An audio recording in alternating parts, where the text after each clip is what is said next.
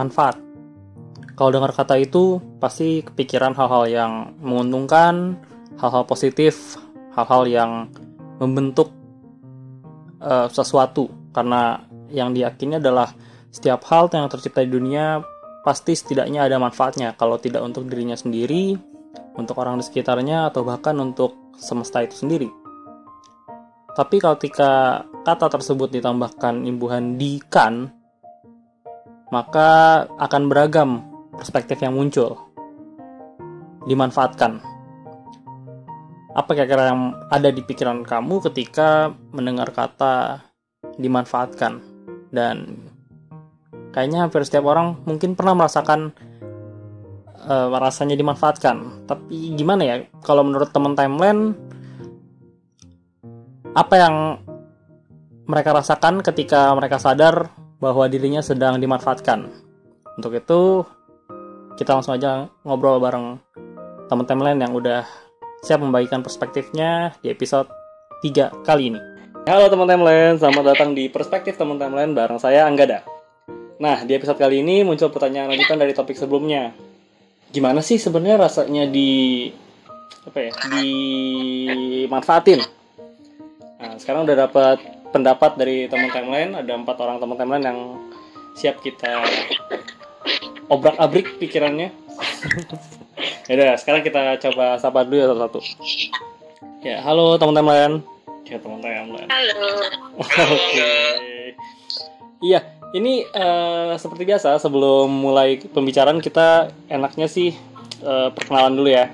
Yang kalau saya kan nggak ada nih selaku yang mulai inilah mulai perspektif teman timeline mungkin boleh buat yang di WhatsApp profile picture-nya lagi habis lari kayaknya nih ada dua jari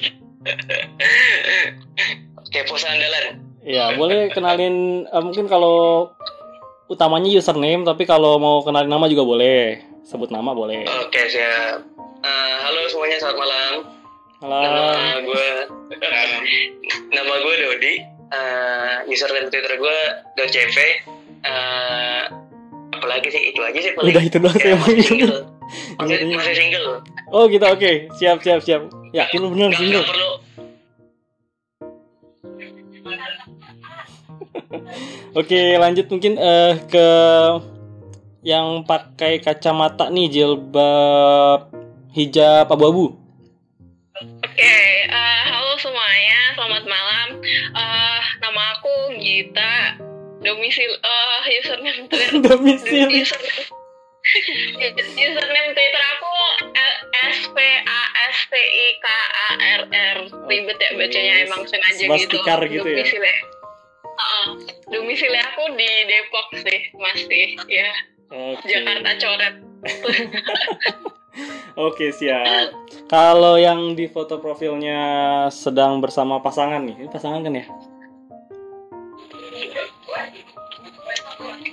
Oh nggak ada yang ngaku nih. Ya. Oke, monggo perkenalan. Nggak ada yang ngaku Loh, beneran. itu bukan sama pasangan emang ya yang di profile picture? Kayaknya kalau yang aku aku duduk sendirian mas di di gitu deh. Hah? Waduh. Ini Um, ada pasangannya kok pakai baju putih. Serem ya? apa Jadi serem ya? Astaga. Semuanya? Oke. Aku. Username aku @yunitalakat. Itu aja kali ya, nggak perlu makas mikes kan ya? Iya, siap. Oke. Nah, ini boleh yang terakhir foto profilnya pakai teknik fotografi ini nih, eh, backlight ya. Oh enggak itu supaya kayak akun-akun alter aja mas. Oh, biasa. Oke. Dari base apa nih kalau boleh tahu? Biasa apa ya? FWB kayaknya. FWB. Oke, Mas, boleh. Aku perkenalkan eh, saya Ari. Eh, username twitternya setiap Ari domisili Jakarta. Nah itu aja Oke. kali ya. Siap, siap, siap, siap. Nah, ini eh sebenarnya pengen langsung bahas aja ya ke topik utamanya kan apa sih rasanya dimanfaatin. Cuman balik lagi nih, sebenarnya nyata nggak sih apa ya kayak eh konsep dimanfaatin tuh kayak gimana? Nah, sekarang aku mau bahas dulu dari Ma Dodi nih, dari Dodi. Di inisial gimana gimana Nah, di initial response-nya itu tulisannya gini, dibacain dulu ya. Biasanya baru sadar kalau kejadiannya udah kelar. Either lu tersadar sendiri orang manfaatin lu atau semesta alias orang-orang terdekat yang nyadarin lu bahwa lu cuma dimanfaatin. Rasanya nyeri. Cuma udah berlalu dan cuma kalau udah berlalu pasti ada efek baik juga ke diri kita. Balik lagi ke prinsip basic and cliche sih. Eh, balik lagi ke prinsip paling basic dan klise semua hal yang terjadi ada alasan dan ada purpose-nya masing-masing. Tinggal kita nyikapin, ya tinggal kita nyikapinnya bagaimana tuh, ya kan? Nah, di sini, betul betul hmm, nah, oke. Cuma kayak tadi kan pertanyaannya adalah kita mesti tahu dulu nih kalau definisi dimanfaatin versi Bung Dodi yang kayak gimana nih?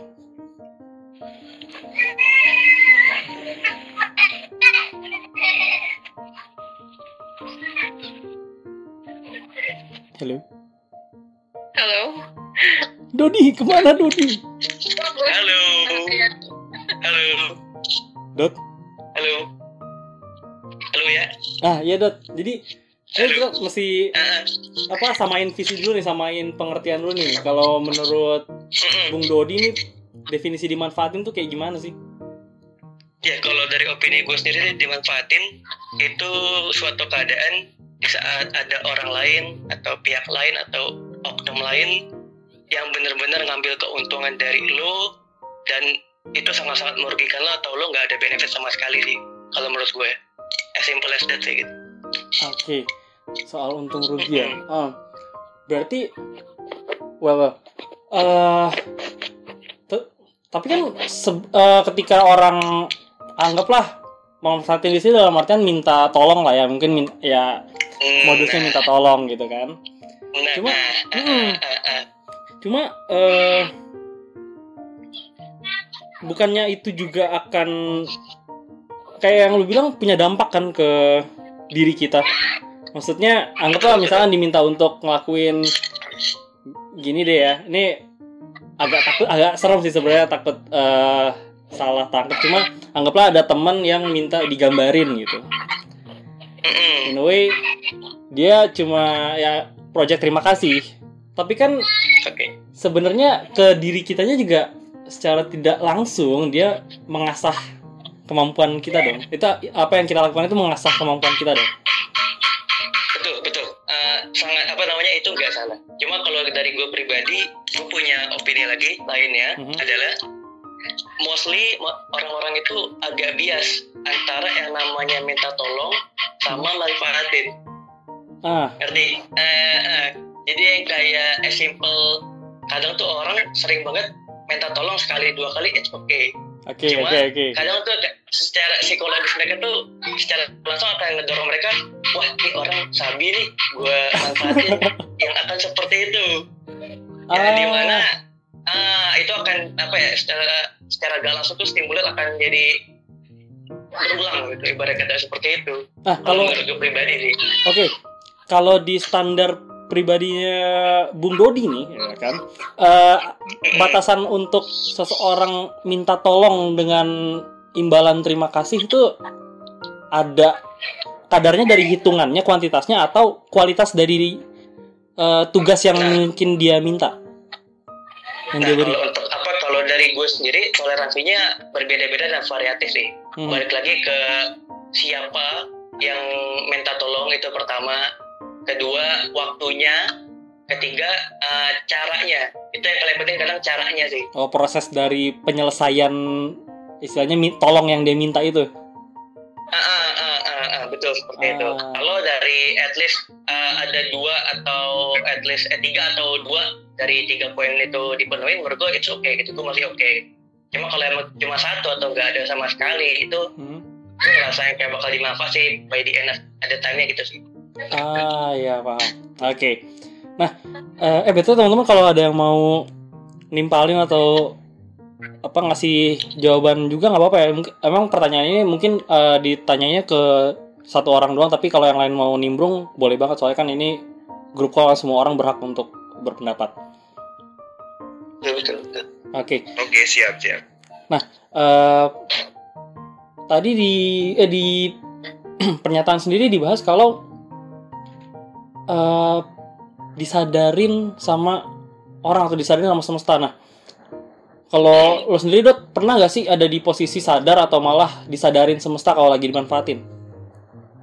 Ah, bener ah, pernah gue pernah Ah, kalau ini sih biasanya ya so far yang gue alami dalam kasus hubungan lah ya pasti ya Oke, kalau hubungan tuh banyak tuh ada materi, ada tenaga, ada waktu, ya kan, ada pikiran. Ah, ah, ah, cuma kan kalau kalau kita bahasanya apa nih asmara udah terlalu jauh asmara ya. Apa dong? kalau kita udah ngomongin ngomongin hubungan asmara lah kita sebut gitu kan ya Ah. kadang kan secara psikologi kita kayak ketutup matanya gitu kayak dibutakan Eh, Mabuk cinta kali ya. Mabuk. cinta. mabuk. ya, ya, itu itu itu kalau bahasa bahasa anak sekarang mungkin mabuk mabuk begituan mungkin mabuk begituan oke jadi memang jadi hmm, jadi memang kayak ada waktunya eh, lu kayak nggak sadar gitu. Sampai akhirnya orang-orang terdekat tuh yang eh, kayaknya ada yang salah di him atau Hmm. kayak something wrong with him or with her kayak gitu sih biasanya. Baru akhirnya diingetin. Hmm oke. Eh tapi ini Dot Em, kenapa ada orang menurut lo nih ya, kenapa ada Hmm. orang yang sampai ngemanfaatin orang lain dorongan apa sih yang bikin orang manfaatin orang lain Eh, sebenarnya apa ya sebenarnya sih ya kalau dari kacamata orang ketiga atau secara umum Hmm? normal dong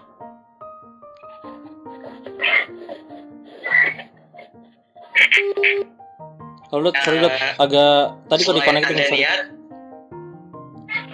oke jadi kan kalau kalau kata bang Napi kan ada niat ada kesempatan Ah iya iya Betul, iya iya, kayak iya. gitu. benar jadi, benar. ah, ah, jadi orang tuh suka kedorong kayak, wah, eh gue niat nih pengen pengen pengen minta ini ini ini ini. Terus, eh ada momen nih nih, ya udahlah gue sikat aja. Ada orang-orang berpikir yang kayak gitu sih sering. Memang apa ya jatuhnya licik, eh, bukan licik, apa ya? Ya Oportunis gak sih? oportunis ya. Ketika ada Betul. kesempatan, ya udah Ah, sikat betul. gitu ya. Iya. heeh. Betul, Hmm. di ke arah situ. Tapi berarti em, gimana ya? Bukan berarti mem- mengagungkan mereka, cuma orang-orang yang bisa melihat kesempatan itu bisa dibilang observan juga ya. Maksudnya dia tahu nih, oh orang ini bisa di nggak sih? Maksudnya orang ini benar-benar Iya. mempelajari mempelajari orang yang akan dia manfaatin gitu. In a way kayak penyalahgunaan penyalahgunaan apa ya? Iya penyalahgunaan Itu memang iya penyalahgunaan balik ilmu gitu ya. orangnya. Ah, balik lagi ke orangnya itu memang tahu posisi dia lebih tinggi, gitu ibarat kata. Hmm. atau memang orang yang dimanfaatkan itu memang secara kepekaan atau ah, maaf secara intelektual tuh ah, kurang jadi yang kayak kurang peka lebih ke arah situ Ah, oke. BTW tadi kan bahas soal asmara-asmaraan nih. Nah, sekarang kita eh, beralih ke salah satu responden yang memang membahas mengenai ini, soal asmara ini. nah, aku mau tanya ke Mbak Yunita nih. Saya kan eh, di initial response-nya itu bilang kalau pernah dimanfaatin sama mantan waktu kuliah. Pacaran cuma buat beliin perlengkapan dia, isiin pulsanya, transfer duit kalau akhir bulan, sama temenin begadang. Nah, udah saat kok temenin begadang kayak lagi ronda ya. Oke. nah, udah sadar sedari bulan ketiga dan minta putus tapi doi ngamuk. Mohon maaf dan ngancem pokoknya aku harus nikah sama dia. Untungnya waktu itu LDR. Ya, untungnya waktu itu LDR dan berhasil nyusun rencana untuk putus dengan baik walaupun makan waktu sampai setahun. Lebih kerasa menyesal kenapa bodoh sih.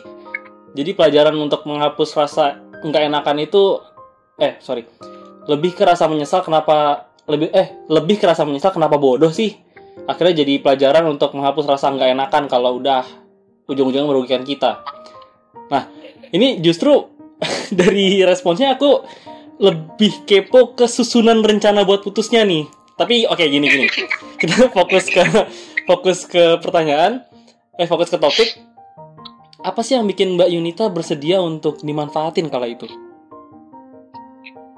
Eh, eh, waktu itu gimana ya waktu itu kan karena karena keadaan aku waktu itu Hmm, aku baru putus dan aku yang sebelumnya lagi Oke. dan itu aku diselingkuhin nah kan Oh, oh. di tengah aku aku lebih ke bukan ke patah hati tapi kayak lebih ke oke kalau lu bisa lu bisa selingkuhin gue gue juga buktiin kalau gue bisa dapet cowok selain lu lagi gitu Oh, kan Oke. Waduh. Oke. Ah. datanglah abang ini terus kalau aku dia tuh kayak manipulatif mani, gimana ya manipulatif banget kayak bener-bener dia tuh ya kayak pokoknya aku tuh sayang banget sama kamu pokoknya hmm, gini hmm. pokoknya walaupun aku sendiri merasa aneh kayak apa sih ini orang baru kenal kayak sebulan terus udah yang kayak terlalu intens gitu kan nah terus ya gitu. Jadi kayak dia tuh pinter banget eh, menga- merangkai katanya untuk membuat kita tuh merasa bersalah kalau nggak nurutin kemauannya dia tuh. Entah dia memang pandai merangkai kata atau karena dia tahu posisi Mbak sedang ya tadi sedang rapuh gitu loh. Iya terus kalau aku pikir-pikir lagi ini tuh emang kayak hubungan yang toksik gitu ya kayak Hmm. kalau aku bilang aku bilang aku lagi nggak ada uang atau gimana dia tuh kayak "Ih, kamu pelit banget sih sama pacar sendiri kayak panas panas banget waduh nggak bisa nih di ini ini oke Ah. berapa udah sendiri kayak gitu Oke. Ah. Oke, tadi ada kayak semacam tekanan yang diberikan juga ya. Nah, pernah nggak sih Mbak dalam tiga bulan itu tuh yang sebelum sadar kalau akhirnya dimanfaatin sampai jadinya kayak memaksakan diri untuk bisa bantu dia. Misalkan kayak ambil anggaplah relain tabungan atau mungkin malah minjem ke teman lagi atau jual barang pribadi gitu.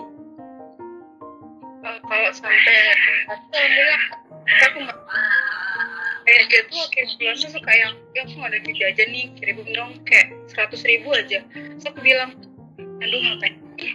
Kayak aku juga nggak ada duit aku juga cuma mahasiswa biasa. Hmm, hmm, hmm. Seratus seratus ribu doang ada di rekening sih nggak mungkin kamu pasti punya lah seratus ribu Oh. Kayak, terus aku tuh yang kayak aduh gimana sih jujur aku emang orangnya nggak enakan banget Nah, Aku itu kan, ya. orang yang terus kayak ya udah deh aku transferin dulu aku pikir dengan aku penjelasan kayak gitu dia mikir oh berarti ya cewek aku ini eh, nggak bukan dalam kondisi ekonomi yang jauh di atas aku gitu kan ah. Ternyata enggak ternyata bulan depannya lagi bulan depannya lagi kayak lu kira tuh kontrak pulsa nitip KTP nggak tuh? Kalau nitip KTP mungkin boleh kali nanti di, biar ditagih aja di akhir bulan lagi. Apa mas gitu kan kan. Kasbon mulu. Oke. Udah kayak pinjaman online. nggak makanya. Bisa aduh. Tadi, uh, tapi kalau pinjaman online masih dibayar pak. Ini kan enggak ya? Disedot ya pak nah oke. Tadi kan bahas soal nggak enakannya nih. Nah ini menarik. Kenapa perasaan nggak enakan? Menurut Mbak Yunita tuh bisa bikin orang merasa berada di posisi bahwa ia sedang dimanfaatkan. Kayak apa hubungannya antara nggak enakan sama akhirnya bisa dimanfaatin sama orang gitu? Eh, ya karena kita nggak ikhlas gitu. Kayak eh, jujur kalau misalnya misalnya nih misalnya Hmm. Temen kita ke mana gitu kan. Terus aku udah nolak terus nggak enakan. Nah terus tapi kalau kita nggak nggak dirugikan ya ya udah gitu. Kan ini kan terus kayak udah minta terus kayak jatuhnya tuh kayak malak gitu kan. Hmm. kita yang salahnya tuh sebenarnya kita karena kita nggak jadi justru dia merasa udahlah dia pasti bakalan nunduk juga kalau gue paksa. Hmm, jadi oke karena nggak enakan itu akhirnya orang ya tadi kan setelah dia kenal kita oh ternyata orang nggak enakan bisa dimanfaatkan lah situasi ini gitu ya. Kita oh. sedikit pasti dulu di cewek gitu. Iya karena orang yang ya seorang yang tadi niatnya memanfaatkan semata-mata memanfa- memanfaatkan itu nggak peduli kita ikhlas atau enggak yang penting apa yang dia inginkan terpenuhi. Iya benar. Hmm. Oke. Ini ini menarik karena sebenarnya terutama di bahasa di bahasannya Mbak Gita nih, di responsnya Mbak Gita karena kalau dari Mbak Yunita kan kadang eh, kita ngelihatnya dari eh di posisi sadar terus ya. Maksudnya kita tahu nih kita sedang dimanfaatkan tapi ya udahlah gitu ya. Dijalanin aja walaupun gak ikhlas tetap dijalanin daripada repot gitu kan. Nah uh, tapi di initial response mbak Gita itu eh mbak Gita jawab pernah secara sadar atau terlambat sadar pernah dimanfaatkan secara sadar atau terlambat sadar pertama betul sadar kalau dimanfaatkan. Kalau kayak gini sih biasanya aku nggak segan-segan untuk memanfaatkan dia juga. Yang dilakukan kedua belah pihak ini bisa aja positif atau negatif dan sama-sama berdasar, tetapi tidak sama, tidak saling menum tetapi tidak saling menumpulkan atau dibuat menjadi tidak berdaya. Nah, beda kalau terlambat sadar. Yang satu merasa ditumpulkan atau tidak berdaya, merasa kalau pihak lawan memiliki daya yang lebih besar dan jatuhnya jadi sesuatu yang platonik, bahkan bisa menimbulkan trauma. Sejauh ini sih aku belum pernah mengalami trauma itu, tapi sudah tahu gejalanya. Salah satu gejalanya mungkin tidak adanya simpati. Nah, ini menarik banget poin paling menarik justru ada di penggunaan istilah menumpulkan. Sebagai penganut manusia, ya sebagai penganut manusia hidup, eh, eh, sorry, sebagai penganut paham manusia hidup harus bermanfaat, kata menumpulkan di sini ngegambarin banget, menyindir banget orang-orang yang eh, bisa dibilang ya sorry minim manfaat, karena tidak pernah terasah tuh. Soalnya ya orang lain juga menganggap dirinya kurang punya fungsi di lingkungan. Tapi eh, Mbak Gita sendiri ada gambaran atau pemahaman sendiri nggak mengenai indikasi bahwa seseorang sedang memanfaatkan kita? Ah, in- ah, apa ya indikasinya biasanya simpel aja sih. Mhm. Ah, intinya kalau dimanfaatkan itu bisa ditunjukkan dengan cara ada salah satu pihak yang memiliki daya yaitu tadi daya atau kekuasaan gitu yang mana dia punya lebih gitu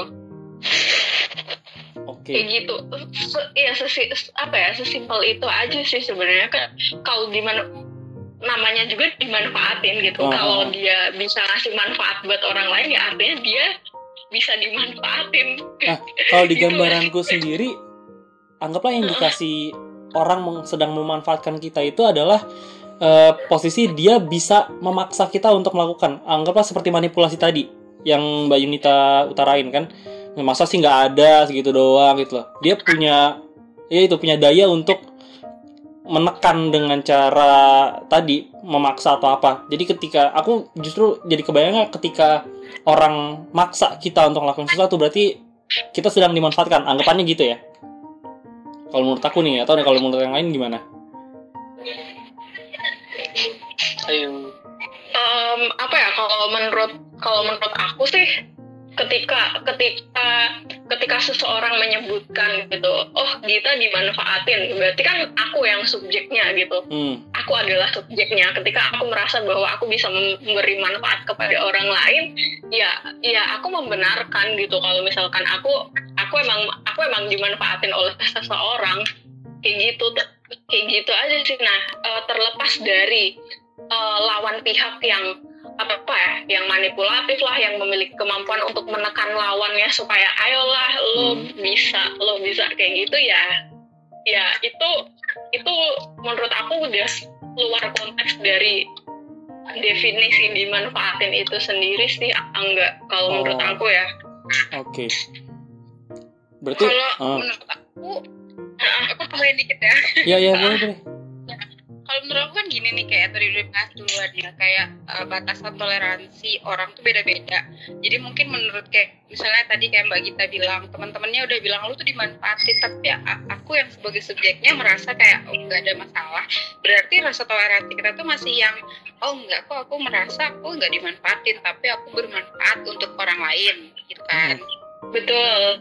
Nah terus uh, jadi menurut aku eh, dimanfaat dimanfaatin ini sendiri tuh nggak bisa kayak kita kita men- eh, sebagai subjek lah yang harus merasa dimanfaatkan bukan dari perkataan orang lain. Kayak kita nggak bisa kayak ih pasti dia tuh dimanfaatin. Kamu ngerasa nggak sih kamu dimanfaatin? Hmm, kalau hmm, orang hmm. yang sebagai subjek yang nggak merasa ya berarti menurut dia dia bukan dimanfaatin tapi bermanfaat orang lain. Ini ini juga jatuhnya kalau tadi eh, Dodi bilang kan soal akhirnya disadarin sama orang lain atau semesta kan? Ketika akhirnya seseorang anggaplah tadinya dia nggak kenapa-napa. Tapi in a way setelah dia yang bilang lu kayak dimanfaatin deh. Akhirnya dia merasa oh iya juga ya. Apakah eh, lantas yang dia apa apakah apa benar posisinya tiba-tiba dia jadi sorry yang dilakuin mungkin nggak jadi hal yang punya manfaat buat dia akhirnya jadi dia merasa dimanfaatin atau diambil doang manfaat dari dirinya sementara dia nggak dapat apa-apa gitu Eh, menurut aku eh, balik lagi kayak tadi Mas Angga bilang Hmm. kan itu soal kepekaan seseorang. Jadi mungkin mungkin ada orang yang kayak tadi dibilang dia tuh rasa pekanya tuh rendah banget sampai yang Hmm. selama ini nggak sadar. Terus setelah diingetin sama orang terdekatnya bahwa kamu tuh dimanfaatkan selama ini dan setelah dia kayak eh, flashback balik ke belakang tuh mikir-mikir apa aja sih yang udah dirugiin dari aku? Sampai aku Mhm. tuh berasa eh, merasa kalau aku tuh udah dimanfaatin. Dan menurut aku kalau emang damage-nya berat apa besar kalau emang merasa kerusakan itu kayak wah ini emang udah keterlaluan kok aku nggak sadar ya selama ini. Itu juga mungkin sih menurut aku ya Hmm. karena tergantung juga tergantung apa sih yang dirugiin dari kita gitu. Apakah kita kehilangan apa atau kita hanya sekedar eh, di, di apa di dipakai jasanya kayak tadi yang dibilang kayak eh, minta tolong teman gambarin apa gitu kan Mhm.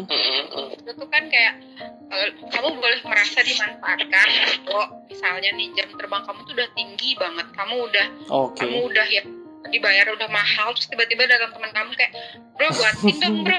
Lu kan eh, ahli nih masa teman sendiri nggak mau lu buatin. Terus udah kayak dengan bahasa yang kayak gitu Mhm. terus minta cepet atau macam-macam. Nah itu udah dimanfaatin tapi kalau kayak kamu tuh baru lulus terus kamu juga masih kamu atau yo, ibaratnya kamu masih mengasah skill lah. Kamu masih, Masih mengasah skill terus Iya ya, melengkapi portofolio lah ya. kayak, Ah, ah, iya kayak Hmm. bro bantuin aku dong gini gini gini. Nah itu tuh sebenarnya eh, masih bisa diko- dikategorikan kamu tuh bermanfaat bagi orang lain karena di satu sisi kamu juga mengembangkan skill kamu gitu kan Mhm. kayak aku bilang kayak eh, sebenarnya batasan ini tuh berbeda-beda sih. Berarti kayak yang udah Iya. dibilang ya. Justru dilihat lagi dari waktunya, seberapa benar. beratnya dan seberapa banyaknya ya. iya benar Hmm, oke. Jadi ada aspek tadi waktu eh, task juga tingkat kesulitan. Mhm. sama orangnya juga siapa sih yang main time Oke. Siapa orang Kalau stranger sudah pasti kayak "Eh, apa ini maksudnya gitu. kalau stranger sih kayak langsung blok aja. Langsung blok aja daripada bingung. Stranger Oke. saja minta harga teman minta tolong Lah temenan aja belum. ah, tapi oke gini. Eh tadi kita ngomong soal kepekaan itu kan em, soalnya menurutku ketika kita tahu indikasi seseorang itu manfaatin kita atau enggak, ini bisa berguna buat mereka yang mungkin sedang dimanfaatkan sama orang nih atau ya jadi mereka tahulah gimana oh gimana ya ciri-cirinya orang yang lagi ngemanfaatin kita jadi ya bisa menghindari damage yang lebih berat lagi lah ke depannya. Cuma eh, kalau Mbak Gita sendiri pernah nggak memanfaatkan balik seseorang? Kalian tadi soalnya di pernyataannya ada tuh. Kalau memang aku tahu dia manfaatin aku aku nggak segan-segan untuk manfaatin balik ya kan? Nah Mbak pernah nggak memanfaatin balik orang? Karena udah nyium nih. Oh. hmm, ada yang mencurigakan? Pernah sih eh, oke. pernah ngemanfaatin orang balik. Nah dia eh, apa ya kalau menurut pernah ngemanfaatin orang lain terus dan orangnya biasanya orangnya ngerasa biasa aja gitu aku aku akan memanfaatkan balik seseorang apabila aku merasa kalau energiku terlalu terkuras di sini Oh. gitu jadi kayak eh, biasanya aku apa ya kayak cari celah gitu. Nih orang bisa nggak sih dimanfaatin balik gitu? Kalau bisa ya aku akan memanfaatkan dia tetapi secara sepadan. Dalam artian emang dua-duanya win-win solution gitu. Win-win solutionnya ya dicari yang paling yang paling ra, yang paling mirip eh, yang paling sama lah. Dia dia eh, dia ngasih energi buat aku ngasih energi aku ngasih bantuan ke dia dia ngasih bantuan ke aku. Mhm. kayak gitu. Jadi kayak apa ya kalau misalkan aku mau ngasih contoh yang paling gampang misalkan gini temen temen aku lagi ngerjain tesis dia Hmm. butuh bahan riset yang ada cuma di kantor aku nah Oke. aku merasa aku merasa itu membutuhkan effort yang besar gitu karena aku mesti izin Iya ke mana-mana sih. gitu sampai ke atasan perusahaan Oh, nah kemudian aku nyari celah nih anak nih bisa nggak sih coba nyari eh, celahnya gitu misal eh, lo kan lo kan asdos nih lo bisa nggak sih bikin apa ya lo bikin surat supaya adik gue bisa keterima di mana gitu. Nah kayak gitu sih. Jadi Oke. aku akan memanfaatkan seseorang selama tap- aku akan memanfaatkan seseorang tapi sampai pada titik di mana win-win solution itu ada. Kayak gitu sih. Dan Itu aku juga gitu sama mantan aku. Gimana tuh, dan apa ya? Dan memanfaatkan balik ini sebenarnya kalau misalkan hubungannya udah nggak sehat aja sih. Misalkan dia minta tolong dia minta tolong terus ke aku tapi dia juga menghilangkan simpati. Kok dia nggak ada simpati buat aku? Aku udah excuse begini begini tapi kok dia masih mendorong aku? Ya kamu bisa yo kamu bisa yo kayak gitu kayak gitu sih yang semakin apa ya semakin membuatku terdorong untuk aku mau balik. memanfaatkan dia balik betul kayak gitu sih Ah, oke. Tapi ketika kan pernah nih manfaatin balik orang. Ah, setelahnya tuh orang tersebut bilang nggak sih kalau dia merasa dimanfaatin atau eh oleh Mbak atau mungkin merasa keberatan gitu pas dimintain tolong balik malah ah nggak ah, lu terlalu berat nih gitu. Oh langsung aja ditangkis gitu lo kan udah lo kan udah gue bantuin soal ini gitu masa lo nggak mau bantuin gue Iya bener sih. Akhirnya jadi kayak ada beban moral gitu ya kayak oh man, Iya, kalau kalau gue nggak tahu malu nanti gue nggak dibantu lagi gitu kan. betul lo mau aman kan dari gue ya udah gitu lo laksanain tuh Seram juga ya. iya Tapi emang harus gitu. sih. aja iya dia aja maksudnya ngemanfaatin kita secara frontal gitu kenapa kita nggak bisa frontal balik mau Iya, dia udah kayak gitu aja sih Bener bener kita udah megang satu logis? akses lah ya. ya logis kan Oke. nah, tapi eh, gini gini. Kalau ketika dimanfaatkan itu manusia bisa merasa terlambat sadar, ada nggak sih kemungkinan untuk pelakunya juga terlambat sadar bahwa dia tuh udah manfaatin seseorang? Oh bisa banget bisa banget Hmm. sih bisa banget kalau Bisa emang sih kayak gitu. Bisa ya? bisa bisa Eh, bisa bisa bisa banget. Eh, eh, kalau dari eh, menurut Mas Ari gimana tuh? Eh, nggak tahu ya. Kadang memang beberapa hal yang kita lakukan suka di luar kendali kita juga gitu. Oh, Jadi mungkin kalau lagi panik atau apa ya? eh, bisa bisa bisa jadi. Maksudnya yang tadi yang tadi aku bilang juga, maksudnya eh, di luar kendali dan memang udah terus-terusan terus jadi baru sadar oh iya kayaknya gue udah mulai manfaatin orang nih gitu atau gimana ini tuh Hmm. bisa datang terlambat juga Oke. betul betul Kalau dari Mbak Gita sendiri gimana nih? kalau aku bisa banget sih karena apa ya Karena semata eh, intensi untuk memanfaatkan seseorang ini semata-mata disebabkan oleh egonya gitu dia sudah Mhm. kehilangan segala opsi yang dia miliki gitu Hmm. misalkan dia pengen lama dia pengen kerja di perusahaan A dia udah daftar lewat LinkedIn dia udah daftar lewat Jobstreet Iya. dia udah daftar di job fair segala macam terus dengan satu jentikan jari dia tahu kalau ada orang tua temannya yang kerja di perusahaan itu dan punya posisi gitu. Makanya ya orang udah dalam. Betul orang dalam ya. Oh. simpel itu sih karena selama selama dia masih punya ego dan apa ya dan selagi dia tidak punya opsi lain atau dalam artian emang udah stagnan banget gue nggak bisa ngapa-ngapain ya udah intensi untuk memanfaatkan seseorang itu makin besar kalau menurut opini ku seperti itu Berarti in a way orang yang memanfaatkan orang lain itu mungkin karena dia tidak bisa memenuhi hal tersebut sendirian, alias ya bisa dibilang putus asa lah ya, atau ya buntu, udah buntu. iya oh, betul. iya Hmm. Tapi kalau menurut aku, Hmm.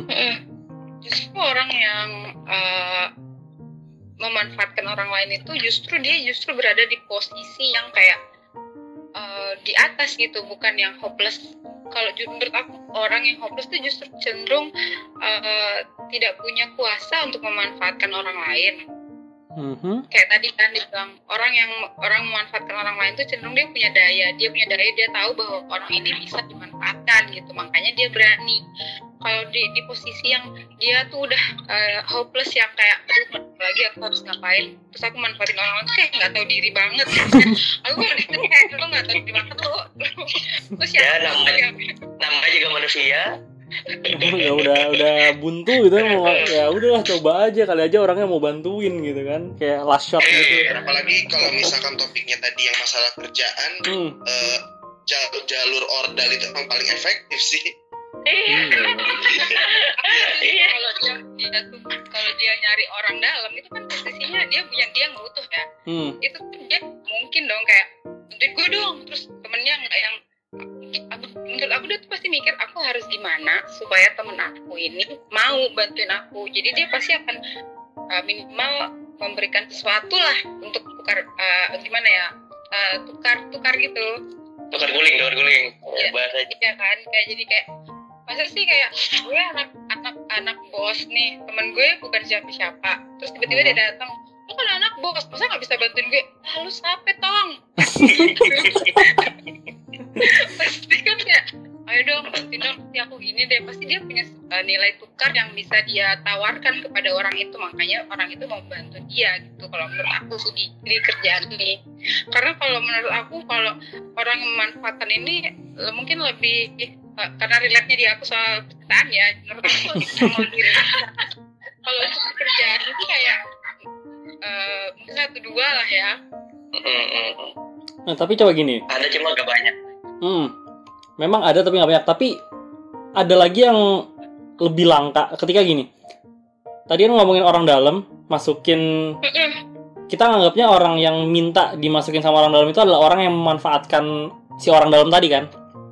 Mm, Tapi iya. ada ada banget eh, satu situasi di mana ketika kita mikir ah oke lo gue manfaatin gue biar bisa masuk perusahaan ini tapi ternyata setelah udah masuk si orang dalam ini justru manfaatin balik dan justru kayak Nah, lebih nyedot gitu loh. Soalnya apa? Kan lo udah masukin sini kalau nggak lo mau kerja di mana gitu. loh nah, itu itu. Makanya benar ada apa ya? Makanya kalau moralnya tersendiri kalau kayak gitu ya ya udah timbal balik jadi sebenarnya kan konsep dimanfaatkan ini kan Hmm. sebenarnya apa ya apa ya bisa menjadi hal yang sangat wajar gitu. Asalkan ada win-win solution gitu. Kalau Hmm. emang kalau cuman menggerus salah satu pihak ya gue yang tekor mulu gitu. Kapan gue bisa dapet imbal balik dari ini? Masa gue cuman provide dia mulu kayak gitu sih? Makanya menurut aku ya aku sendiri tidak aku sendiri sengaja aku sendiri uh, menganggap bahwa dimanfaatkan ini bukan sesuatu yang baik ataupun buruk gitu. Tapi ya masih abu-abu karena tergantung gitu. Sebagai orang yang dimanfaatin sebagai orang yang dimanfaatin kita selalu punya opsi loh untuk menolak untuk Hmm. memanfaatin dia balik. Dan sebagai orang yang memanfaatkan kita juga apa ya juga punya opsi gitu akankah kita semakin tega menggerus orang ini Hmm, hmm, hmm. menekan orang ini terus ataupun di Belanda ya kita cari orang lain yang bisa dimanfaatin lagi oke gitu. berarti oke kurang lebih kalau tapi gini set- jika setiap orang berpikir kalau eh, apa yang orang lain minta ke kita sebagai eh, bentuk pemanfaatan maka sebenarnya hal ini akan jadi hal yang gak ada akhirnya gitu loh. karena ketika kita minta A si B akan eh kita minta ke si A terus si A ini akan minta lah balikin dong kalau gitu. Waktu itu kan anda pernah saya bantu. Oke terus nanti kemudiannya lah waktu itu saya anda saya bantu juga loh. Bisa nggak apa boleh dong kalau gitu minta tolong lagi. Akhirnya jadi gimana ya? Kalau dipikir hal ini sebagai apa minta tolong sebagai manf apa pemanfaatan maka nggak akan selesai siklusnya jadi kayak lingkaran setan gitu.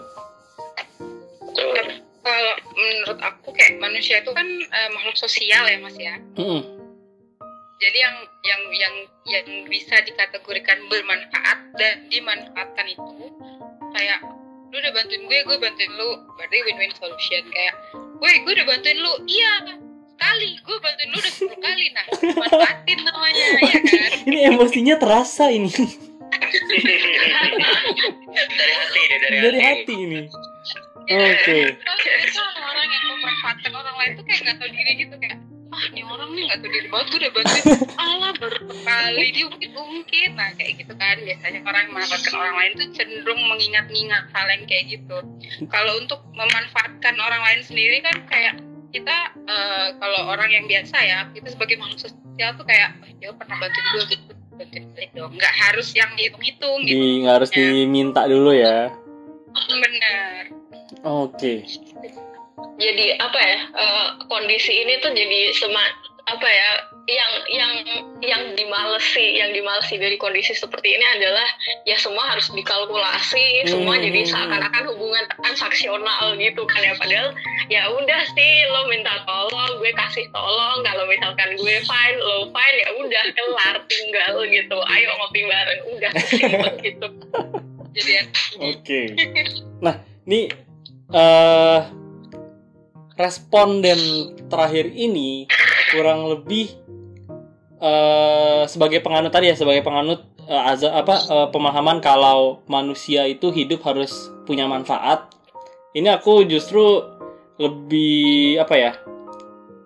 Ini untuk inisialisme sepahamnya sama Mas Ari nih. Mas Ari bilang gak pernah ngerasa dimanfaatin. Ini kayaknya sering banget terjadi dan lihat orang yang keluar-keluar kalau datang pas butuhnya doang. Lah, ya kalau nggak butuh ngapain datang? Ini konsep pernyataan yang aneh banget. Nah, aku sepaham, ya.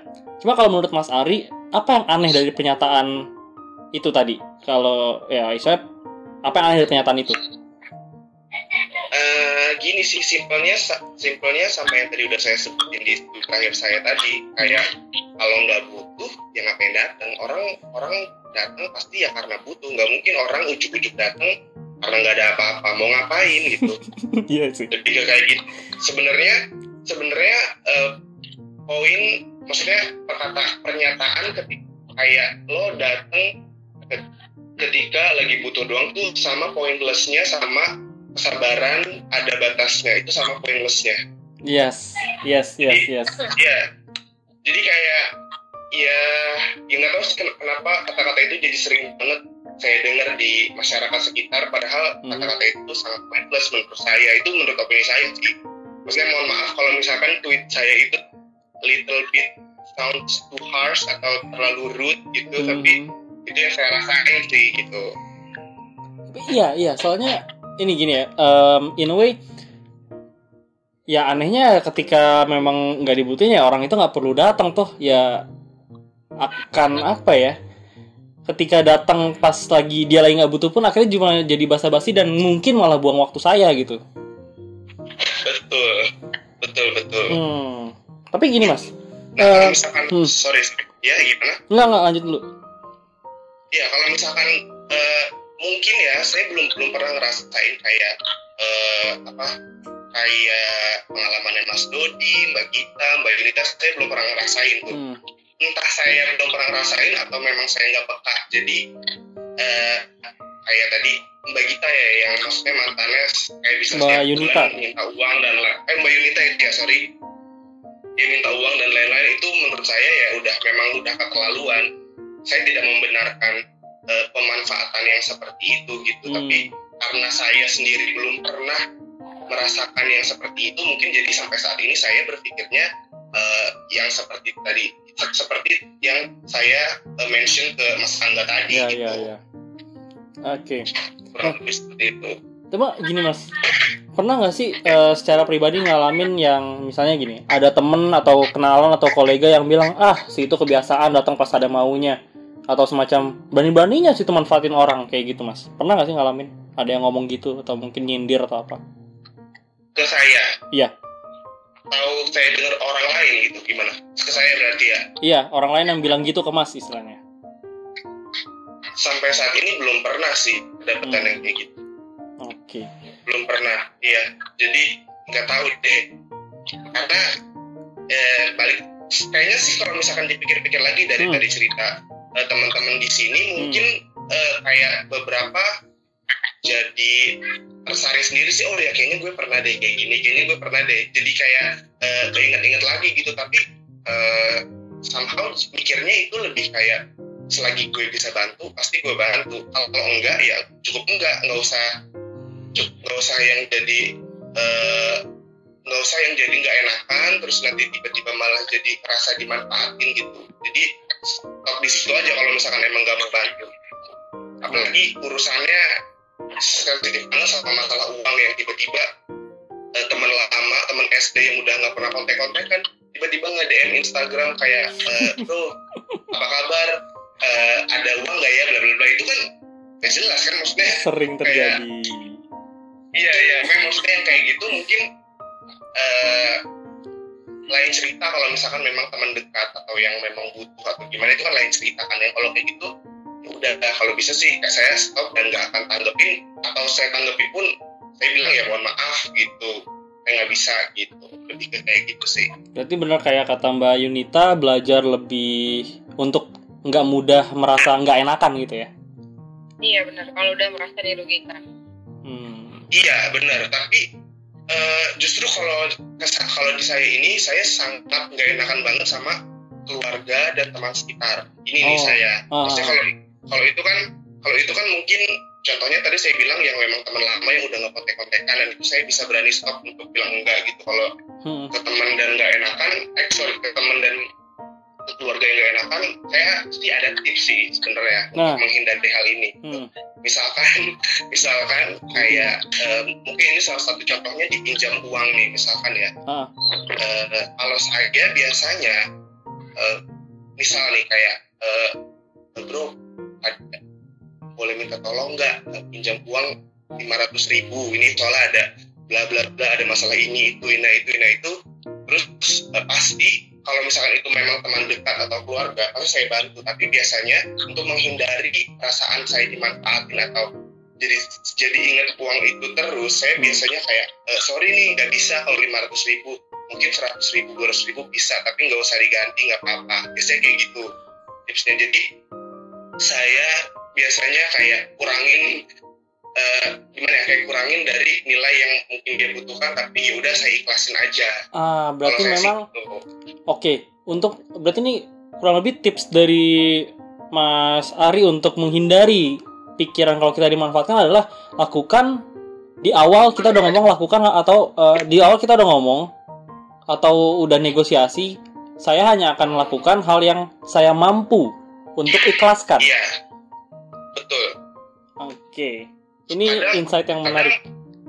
iya, maksudnya kadang uh, ya kita nggak tahu sih bakal ketemu orang yang kayak gimana. Mungkin dengan kayak gitu dia jadi nggak enak dan jadi hmm. gimana atau bisa aja malah jadi kayak terus-terusan gitu. Tapi sampai detik ini sih saya belum pernah sih sampai yang jadi terus-terusan atau gimana. Mungkin kebanyakan yang kena di saya jadinya dia nggak enak, makanya dia udah nggak pernah kayak gitu lagi. Oh, Oke, okay. Oke okay, tips yang sangat menarik ya jadi iya, ngebantunya tetap gitu. ya kan istilahnya tapi apa dimanfaatin iya tapi in a way juga ngasih apa ya ngasih kayak pengertian ke dia kalau ya kalau yang anda pikir bisa dimanfaatkan itu sebenarnya hanya bisa semampunya dia juga gitu loh jadi iya, biar nggak iya. biar nggak jadi lintah lah ya buat orang lain Iya betul. Nah di sini tadi semua udah uh, sampaikan perspektifnya masing-masing. Uh, di sini ada satu respons dari mungkin ada yang tahu um, Wisnu Kumoro kalau suka smartphone nih. Ini ada penjelasan dari dia, respons dari dia dari Mas Wisnu Kumoro. Masyarakat modern adalah masyarakat yang paham asas manfaat jadi wajar saling memanfaatkan. Kalau hidup isinya komunikasi nggak bermanfaat ya rugi dong. Tapi memanfaatkan tidak lantas merugikan. Ada kok memanfaatkan yang saling menguntungkan, namanya partnership. Setara, semua kerja bareng. Nah, kalau ada yang merasa dimanfaatkan, itu mungkin karena ada porsi untung rugi yang tidak berimbang. Antara yang dapat aktual dan kesepakatan awal tuh nggak imbang. Jadi awal baiknya jadi dari awal sebaiknya ada kesepakatan atau minimal dikomunikasikan. Nah, ini tadi sebenarnya kayak Mas Ari sih bilang ada komunikasi tadi di awal yang bisa saya berikan hanya segini jadi di awal udah ada kesepakatan tuh sehingga menghindari eh, rasa dimanfaatkan satu sama lain berarti kayak sorry nggak gue Hmm. potong Hmm, Ah, berarti eh, kesimpulan dari Mas Ari sama Mas siapa tadi yang tweet Wisnu. terakhir sorry nah, berarti kayak ah, Mas itu berarti kita emang dari kuatin di awal aja kayak statement secara verbally gitu kita verbally agree gini gini gini gini gitu jadi nggak ada lagi kayak zona abu-abu atau perasaan yang gak enak ke depan Iya, kalau di saya sih seperti itu sih. Maksudnya kayak udah langsung Mm, mm, mm. komunikasikan aja. Mm, mm, mm. Hmm. oke oke berarti ah Koy, kalau misalkan gini disimpulin gini deh. Perasaan dimanfaatkan timbul karena ada pihak yang merasa kurang mendapat keuntungan dari transaksi yang ada. Setuju atau enggak? Transaksinya itu ya tadi komunikasi di awalnya. Iya benar. Oke so kalau hmm, kalau gue sendiri sih eh, balik lagi sih sebenarnya kalau untuk merasa rugi atau enggaknya kan pasti kondisional ya pasti ya Ah, kalau gue kalau gue jawabannya lebih ke arah kondisional kalau gue pribadi. Oke kalau yang lain mungkin ada tambahan? Kalau kalau aku nggak setuju sih, hmm. nggak setuju karena eh, kan pertanyaannya perasaan dimanfaatkan timbul karena ada pihak yang merasa kurang mendapatkan keuntungan ya. Dalam artian berarti ya menurutku eh, perbuatan memanfaatkan ini semacam kehendak lepas aja gitu. Bukan dari bukan dari eh, perolehan manfaat yang tidak sesuai ataupun penghargaan yang kurang gitu. Menurutku ya ini kayak apa ya eh, bukan bukan spontanitas sih tapi ya emang ya udah emang ini waktu yang gue nge buat emang ini waktunya gue buat nge- nge- ngemanfaatin orang gitu.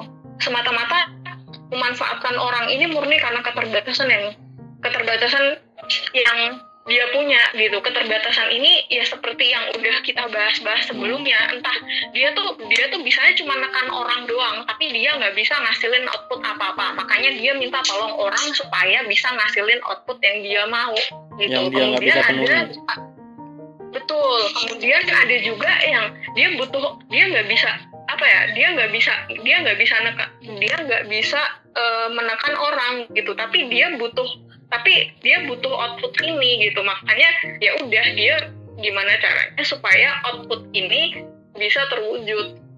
Kayak gitu sih. Jadi eh, kurang lebih balik balik lagi. Aku merasa kalau eh, dimanfaatkan orang itu bukan sesuatu yang baik ataupun buruk gitu. Tapi ya balik lagi selagi masih ada win-win solution ya why not gitu begitu pula dengan memanfaatkan orang itu kayak kehendak lepas dan yang dimanfaatkan pun juga kayak jadinya kayak kehendak lepas aja dia mau dimanfaatin atau enggak kayak gitu sih Oke. Tapi memang al- alangkah baiknya kalau udah dikomunikasiin di awal ya. Jadi ya udah apa transaksi berjalan, anggaplah transaksi berjalan tapi tidak ada yang merasa timpang. Iya betul makanya kalau misalkan eh, Mas Ari ya Mas Ari Hmm. bilang kalau komunikasi itu perlu ya menurut aku emang masing-masing orang baik yang dia ingin memanfaatkan ataupun dimanfaatkan juga butuh membangun batas itu sendiri gitu entah seberapa tingginya ya itu terserah lo gitu Hmm, Oke. Oke. Ini yang orang kadang ya tadi mungkin karena didorong rasa tidak enakan, akhirnya tidak dibicarakan gitu kan. Akhirnya ngedumel sendiri ngerasa dimanfaatin segala macam. Memang keterbukaan itu penting ya untuk hal-hal yang seperti ini yang transaksional sebenarnya. Iya apalagi yang transaksional pasti makin krusial sih soal duit Iya, betul. aku orang yang orang yang memanfaatkan orang lain tuh cenderung tutup mata sih soalnya kayak gitu-gitu Oh ya, tutup matanya dia ya kayak kayak ini ini yang ini yang aku alami ya. Aha. Heeh. setelah aku merasa aku terlalu dirugikan di bulan ketiga itu dan aku minta uh, untuk putus sama mantan aku ini. Terus dia udah yang minta maaf min- janji nggak akan gini pokoknya akan lebih baik lah segala macam. So aku pikir oh ya udah lah ya mungkin setelah setelah ini dia nggak akan ternyata sama aja jadi tiap bulan tuh yang dia sering tetap juga kalau butuh tuh minta minta minta gitu.